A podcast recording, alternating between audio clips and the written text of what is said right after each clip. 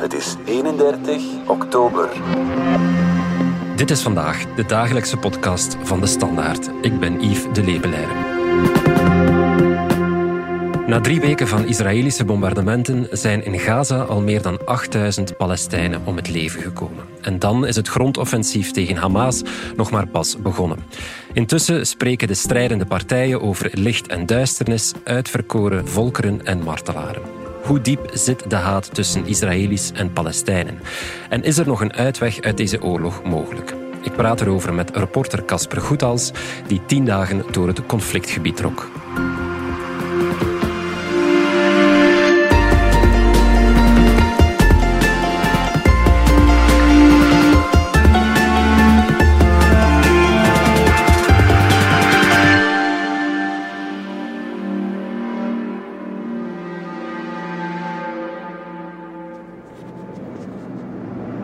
Ik rij hier met uh, fotograaf Gert Jochems in de buurt van Gaza. We zijn net weg van het stadje Sderot.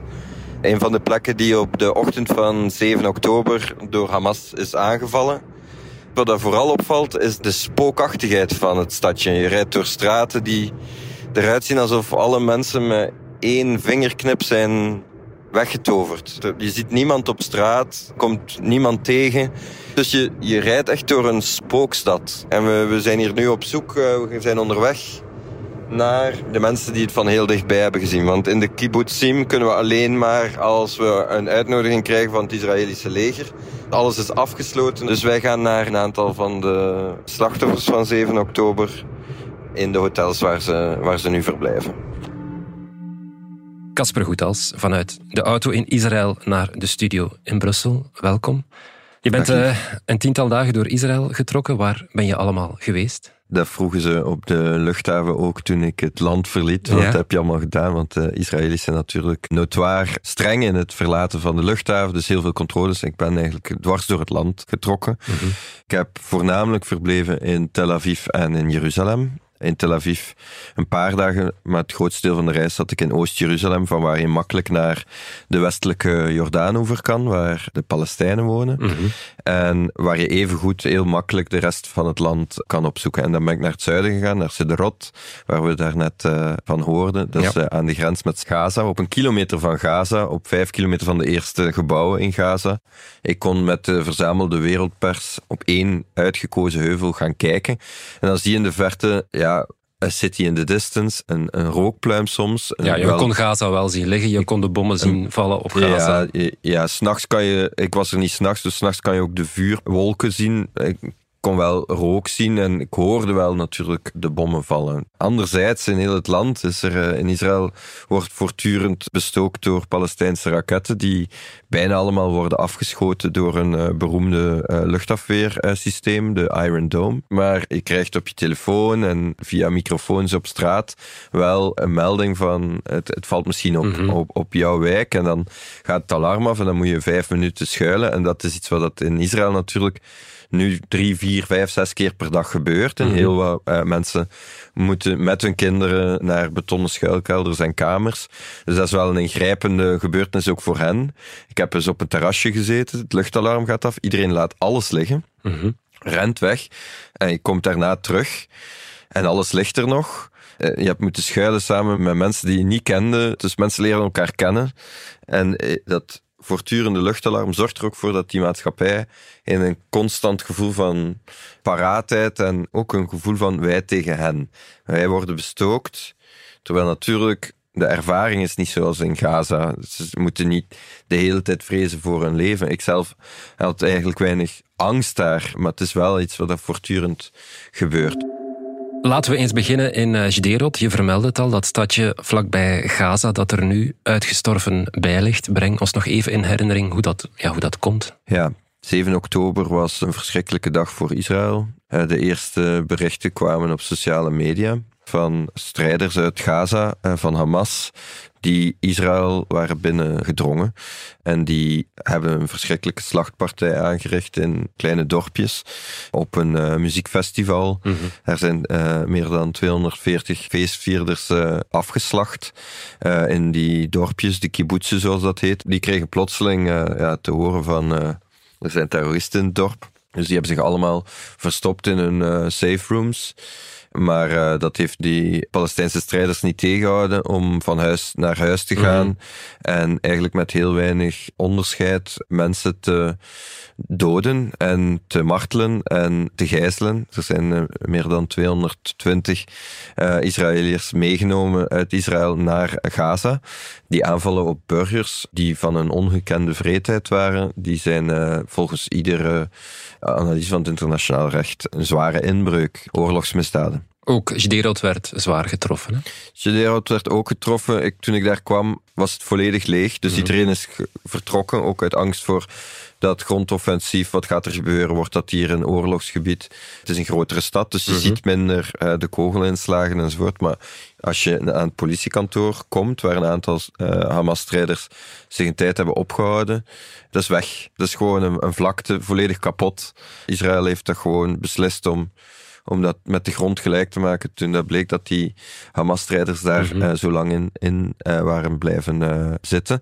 En daar zijn ook trouwens een aantal Israëlische politieagenten in gesneuveld. En de burgers die werden blijkbaar dus geëvacueerd naar hotels, naar de andere kant van, van het land. Ja, dus dat is iets wat dat een beetje onderbelicht is gebleven. Dat zijn natuurlijk tienduizenden mensen in heel die strook rond Gaza die gevlucht zijn. Mhm. Maar ook uit Sederot. Die stad is een ghost town. Hè. Ik had het beeld in mijn hoofd van alsof iemand met een vingerknip iedereen had weggetoverd. En dus die zijn opgevangen op verschillende plekken.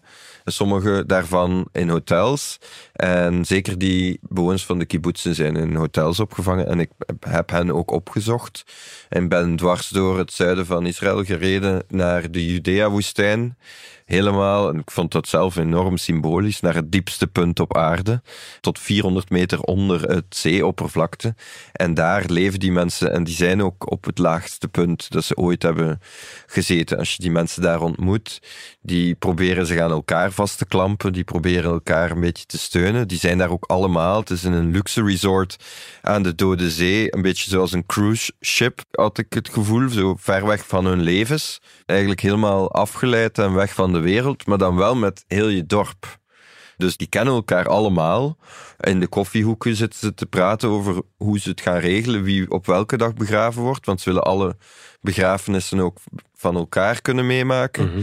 Eh, dus die logistieke operatie duurt weken, terwijl normaal gezien in de Joodse traditie mensen de dag zelf of een dag erna worden begraven.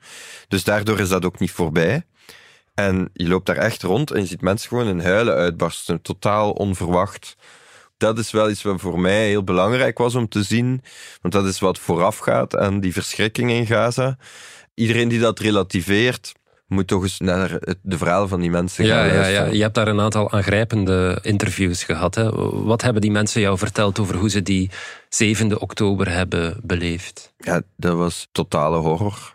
Iedereen die daar aanspreekt heeft zo'n verhaal. Mhm. Eh, de eerste man met wie ik sprak was zelfs niet in het uh, dorp, zijn vader wel. En zijn vader, uh, een zeventiger, is vermoord. Tweede mensen die ik sprak was een koppel. Zij waren ook zeventigers. Hun, hun kleinzoon, een 16-jarige jongen, is gekidnapt en meegenomen. En die zeiden echt met bevende stemmen hopen zo hard dat ze niet denken dat hij al een volwassen man is. Want hij is 16 en is in het laatste jaar superveel gegroeid. En hij, hij houdt van spiertrainen. En dus hij ziet eruit als een man. En we hopen heel erg dat, hij, dat ze hem niet zien als een volwassene. Want het is een kind. Hij is 16. Mhm. En dus we zijn doodsbang dat ze hem gaan doodmaken. En dan heb ik met een aantal jongens gepraat, tienerjongens.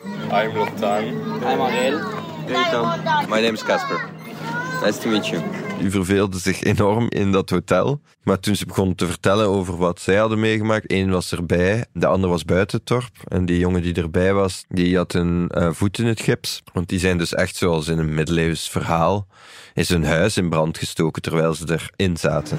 People told us in the WhatsApp groups there is terrorists in the kibbutz, so we need to stay inside until like 1 p.m. Terrorists start to burn the house. I live in a second floor and they start to burn the first floor. Het was echt een slachtpartij. Mensen die niet naar buiten kwamen om vermoord of gekidnapt te worden, hun huis ging in de fik, waar ze in zaten. The fire kept going like up and up until because there is a lot of smoke. We couldn't breathe. Dus die rook wordt meer en meer. Ze proberen daar zo lang mogelijk te blijven, maar ja, ze riskeren te stikken en te sterven. En dus beslist ze op een bepaald moment om, uit het raam te proberen springen vanaf de tweede verdieping. En vandaar is zijn, zijn voet gebroken. Die vader is eerst gesprongen, heeft de twee zusjes opgevangen. Uh, die moeder ook opgevangen, maar hij is zelf gesprongen en is zijn heeft zijn voet gebroken en zijn dan door de buren opgevangen. We just ran to the house until like 7 p.m. Then the army came. En daar hebben ze nog meer dan een etmaal eigenlijk de hele dag moeten schuilen, want dat heeft enorm lang geduurd voor die dorpen bevrijd waren en die mensen in veiligheid konden worden gebracht. En dat is iets wat een schok teweeg heeft gebracht voor de bevolking van Israël, die zo hard rekent op zijn leger om in een vijandige omgeving, om daar veilig te zijn en je veilig te voelen het feit dat Israël zich zo sterk bewapent, ja, is, is deel van de massapsychologie van dat land. Iedereen is ervan overtuigd, als wij ons wapen naar beneden doen, dan worden wij overrompeld door alle vijanden van Israël. In hun ervaring is het, als wij niet domineren, worden we van de kaart geveegd. Dat is echt de existentiële gedachte van de Israëlische bevolking. En die radicaliseert. Die zie je nu met 1300 slachtoffers, zo'n slachtpartij, die zie je nu ja, leiden tot een we gaan ons nooit meer laten doen en je hoort dingen op straat waar je gewoon koud van wordt. Deze aanslag heeft ertoe geleid dat sommige Israëli's op straat gewoon zeggen alle moslims moeten dood. Hm. Alle Arabieren moeten dood. Gaza moet een parkeerplaats worden, we gaan het plat bombarderen. Die Westbank moet ook van ons worden. Echt fascistische taal. Hm. Echt uh, oproepen tot een soort holocaust tegen alle alle Arabieren in de wereld. Gewoon op straat. Voor alle duidelijkheid, dat die radicalisering hoorde je niet alleen bij de directe slachtoffers, zoals bijvoorbeeld die mensen van Sderot, maar overal waar je kwam in hmm. Israël. Je bent ook naar Tel Aviv geweest, wat bij mij toch bekend staat als een progressieve stad, jong en hip. Hmm. Maar ook daar hoorde je dus extreme taal. Ja, absoluut. Ik moet zeggen, die slachtoffers van de kibbutz en de Dode Zee, die staan ook bekend als ook bij de meest progressieve uh, Israëli's. En zij, ik vond hen eigenlijk niet de meest radicale mensen die ik gesproken heb. Mhm. Heel veel van hen zijn ook echt voorstander van vrede. En bijvoorbeeld die vader die vermoord was, die vertelde altijd tegen zijn zoon: Ik ging vroeger vaak naar Gaza. En uh, ik was dus te laat voor de bus. Ik ben te voet van Gaza naar de kibbutz gewandeld. Mhm. Dus er is geen clash van beschavingen. Wij kunnen met elkaar leven. Dus dat vond ik ook mooi. Maar uh, in heel het land voel je wel, en dat is in Tel Aviv. Tel Aviv is zoals je zegt, een beetje Berlijn van het Midden-Oosten. Super queer, super hip. Zeer veel strijd dierenleed. Uh, je kan overal vegan eten. Het is een, echt een paradijs voor, voor jonge hipsters. En waar de vredesbeweging in Israël misschien ook wel het sterkst staat? Ja, voor een deel sowieso. En dat blijft ook wel nog de meest progressieve mhm. plek in het land, waar heel veel mensen gingen betogen tegen de extreemrechtse regering, eh, of alleszins extreemrechtse partijen in de regering, tegen de aanval op de rechtsstaat. Heel het jaar zijn er massabetogingen geweest tegen de regering van premier Netanyahu, die een aanval lanceert op de rechtsstaat. Dus dat blijft ook zo. Hè. De kritiek tegen Netanyahu is ook groot, nog steeds.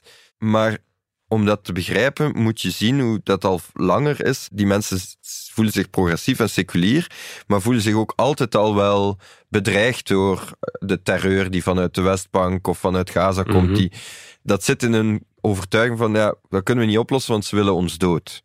Maar dus dan gaan we ons er ook niet mee bezighouden. Dat kon gewoon. Die progressieve hipsters konden eh, gaan feesten in het zuiden van Israël, vlakbij de Gazastrook. Zo van die desert parties met transmuziek. Fantastische... In the middle of nowhere, zeggen ze letterlijk. En dat is natuurlijk niet zo. Gaza ligt daarnaast. Maar dat kan in hun hoofd de middle of nowhere zijn, omdat ze zich er nooit mee hebben bezig gehouden. Mhm. Ik heb het over de mainstream. Er zijn natuurlijk zeer veel Joodse progressieven die zich ook inzetten voor de Palestijnse zaak. En die, maar dat is een kleine marge. Maar die progressieve groep kon nu niet meer doen alsof het niet bestaat. Nee, want het zijn net zij die getroffen zijn. Zij werden ja. keihard getroffen.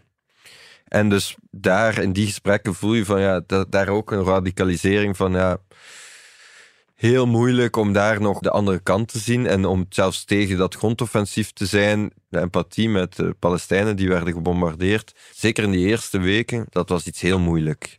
Israël doet zijn best om zo weinig mogelijk burgers te doden.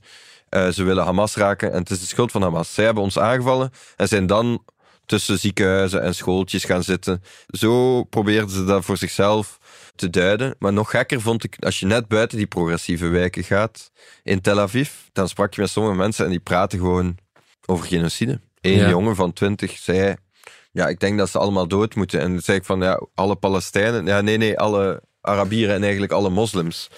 En daarin zit een, een doodenge situatie in dit hele conflict. Dat de hele tijd terugkomt, is dat er echt geradicaliseerde, vaak religieus geïnspireerde groepen zijn aan beide kanten, maar zeker onder Israëli's. Ik heb het heel vaak meegemaakt in gesprekken, die ja, het Joodse volk het uitverkoren volk vinden en vinden dat die Joodse staat onder een Joodse heerschappij moet.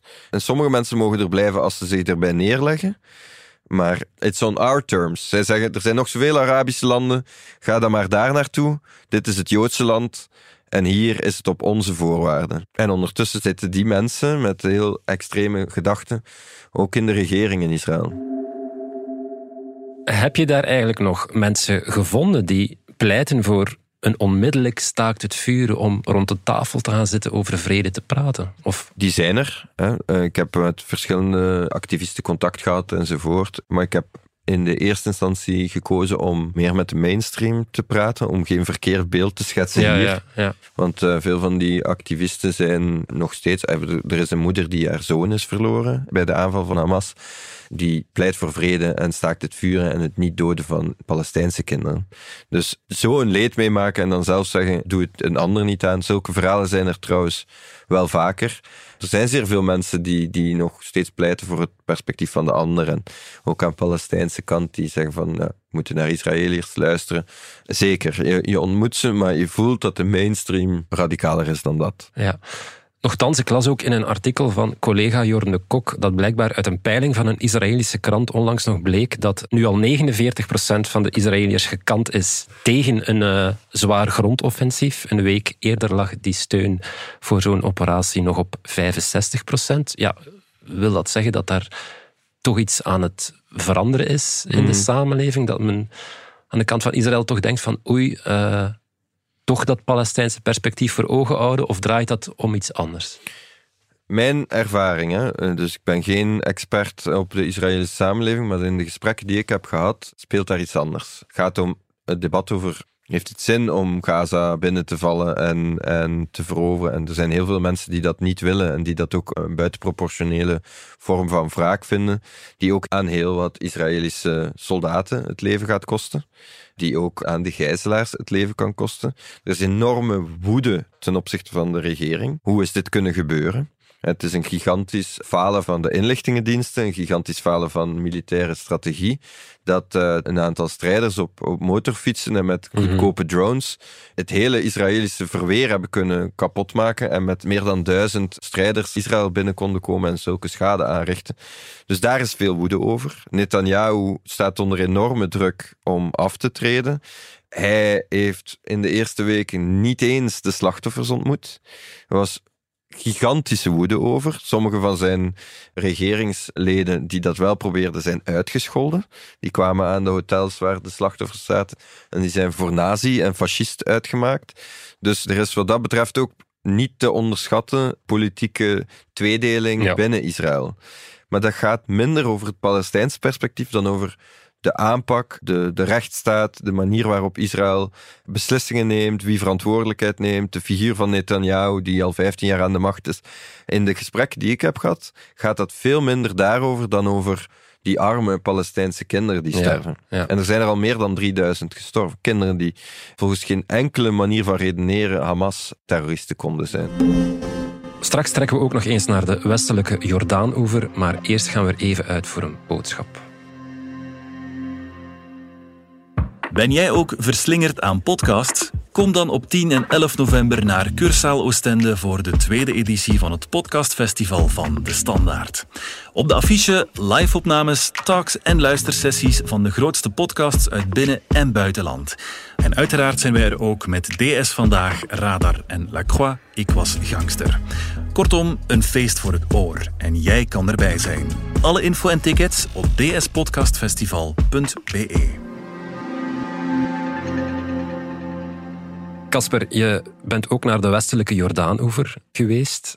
Is het geweld daar ook al toegenomen sinds 7 oktober? Zeker. In de weken na de aanslag zijn er heel wat Palestijnen doodgeschoten. Meer dan anders. Dus er is sowieso al veel geweld in de westelijke Jordaanoever. Dat is bezet gebied, illegaal volgens het internationaal recht. En Palestijnen verzetten zich daar vaak tegen en proberen zich vaak met stenen en met andere manieren te verzetten en worden dan soms doodgeschoten. Er zijn ook soms terreuraanslagen geweest van de Palestijnen tegen de kolonisten op de westelijke Jordaanoever, Israëli's die zich daar vestigen. En in de weken daarna zijn er dus, uh, ja, toen ik daar was, waren er 105 Palestijnen doodgeschoten op de 300 van het jaar. Dus dat was uh, ja, een, tot een extreme toename. En 105 sinds 7 oktober. 105 ja. sinds 7 oktober. En in de 10 maanden daarvoor waren het er 200. Dus, ja, uh, dus het is daar ook wel aan het escaleren. Of ja, de en ik sfeer ben is gespannen. Ja, het is absoluut. Het is daar zeker aan het escaleren. Ik ben naar een verzetsdorp gegaan, Abisaleh, wat, dat zich verzet tegen Halamish een, een, een, uh, een, nederzetting die daar recht tegenover ligt en Mhm. die al bestaat sinds uh, 77. Maar in de laatste jaren neemt dat geweld alleen maar toe. En dit jaar nog meer. En in juni is er een 2,5-jarige Palestijnse jongen doodgeschoten. And the picture of your son is in many places outside. Ik heb ook met Haitam Tamimi gesproken, de, de papa van die kleuter Mohammed. Can you tell me a little bit about the, this, this day? Are you willing to talk to us about it? Dat was een, uh, voor een avond in juni wilde een vader met zijn zoon in dat dorp uh, naar uh, vrienden rijden. There was no rockets, there was no war, it was just, just a normal day. Zet zijn zoontje op de achterbank, uh, neemt zelf plaats achter het stuur, rijdt een klein beetje achteruit. Plots klinkt er een schot. They shot one bullet and it hit the car. Maar dat is op zijn eigen oprit, hè, aan zijn eigen huis. Mhm. Aan de overkant ligt er een Israëlische nederzetting en is er een wachttoren en er was een soldaat op straat en die had geschoten. Dus uit angst probeert hij de auto te manoeuvreren, rijdt hij uh, en zichzelf in veiligheid te rijden. And when he tried to escape, they opened fire. Maar dan klinken er nog drie schoten. The, the glass next to the driver's seat was broken. والكزاز اللي وراه اللي خلفي اللي جنب الشوفير ولا uh, the, the two side windows were broken and then he felt pain in his shoulder. En voelt hij een enorme pijn in zijn schouder. En hij heeft twee schoten in zijn rug en kijkt achterom. He, he looked at his son and his son was already like bleeding from his head. And En daar ligt zijn zoon, 2,5 jaar oud, op de achterbank, dood te bloeden. he realized he was dead at that moment. Wat daarop volgt toont de bezetting en de vernedering daarvan. Dan rijden ze zo snel mogelijk naar een checkpoint. Moet er iemand die doodbloedende peuter uit het raam houden om te tonen, we hebben echt een probleem. Oké, je mag er langs. Je kan naar het ziekenhuis van Ramallah gaan. Dat is veel te ver rijden, dat halen ze nooit. Dus zegt een van de Palestijnen, jullie hebben hem doodgeschoten, jullie moeten hem nu redden. Dus na een heel gedoe komt er dan een helikopter uit Tel Aviv. En die helikopter, daar mogen die ouders niet mee in. Want die ouders hebben geen permissie om Israël binnen te gaan. En de moeder moest een aanvraag indienen voor een permissie, die dan nog uren heeft geduurd. En dan uiteindelijk mag ze, mag ze naar Israël midden in de nacht. Moet ze proberen dat ziekenhuis te vinden. En ze komt daar aan. En wat zeggen die artsen? Dus het was een echtelijke ruzie. Uh, je 2,5-jarige kind ligt daar te sterven. En dit is de kijk waar je mee geconfronteerd wordt. Die onderdrukking is, is verontwaardigend. En ja, je praat met die mensen daar. En er zijn er veel die dat interpreteren, Palestijnen, die het interpreteren als een, als een strijd tegen kolonialisme, tegen apartheid. Uh, zeg maar tegen structuren van onderdrukking. Maar er zijn ook steeds meer uh, Palestijnen die net als aan de Israëlische kant een religieuze analyse maken. Onze zoon is nu bij God. 2,5 jaar oud, doodgeschoten, is een martelaar. Mhm. Onze strijd zal ooit tot een overwinning leiden, omdat God aan onze kant staat. Dat maakt het heel ingewikkeld dat dat conflict ook steeds religieuzer, fundamentalistischer en radicaler wordt. En wat het ook eh, voor mensen die het op een andere manier willen voeren, met vreedzaam verzet, worden langs de twee kanten ook onder druk gezet. Dus dat, dat stemt niet echt optimistisch. Hoe geraken we dan nog uit deze situatie? Wel, ik had ook een gesprek met de seculiere oppositiepoliticus eh, Mustafa Barghouti, die eh, vredesonderhandelaar was in de jaren negentig, langs de Palestijnse kant. En hij vond ik had wel een, een interessante vraag aan, aan de Israëlische regering. Wil je een één-staten-oplossing of een twee-staten-oplossing? Als je een twee-staten-oplossing wil, geef ons dan een staat. Dat betekent bijna 700.000 Israëlische kolonisten die uit de Westbank moeten vertrekken. Of wil je een één-staten-oplossing en dan wel met gelijke rechten? Maar we weten niet wat er gaat gebeuren in de komende weken. Zou het wel eens kunnen dat er veel uh, burgers uit Gaza toch vluchten naar Egypte en komen zij ooit nog terug naar hun land enzovoort. Dat zijn ook uh, angsten die daar overal enorm leven. Ja. Er is zoveel etnische zuivering en zoveel etnisch geweld dat iedereen diep getraumatiseerd is. Dus welke oplossing we ook willen, zal, uh, zal heel veel tijd vergen. Ja, en afwachten hoe dit conflict verder uh, evolueert. Casper Goethals, bedankt.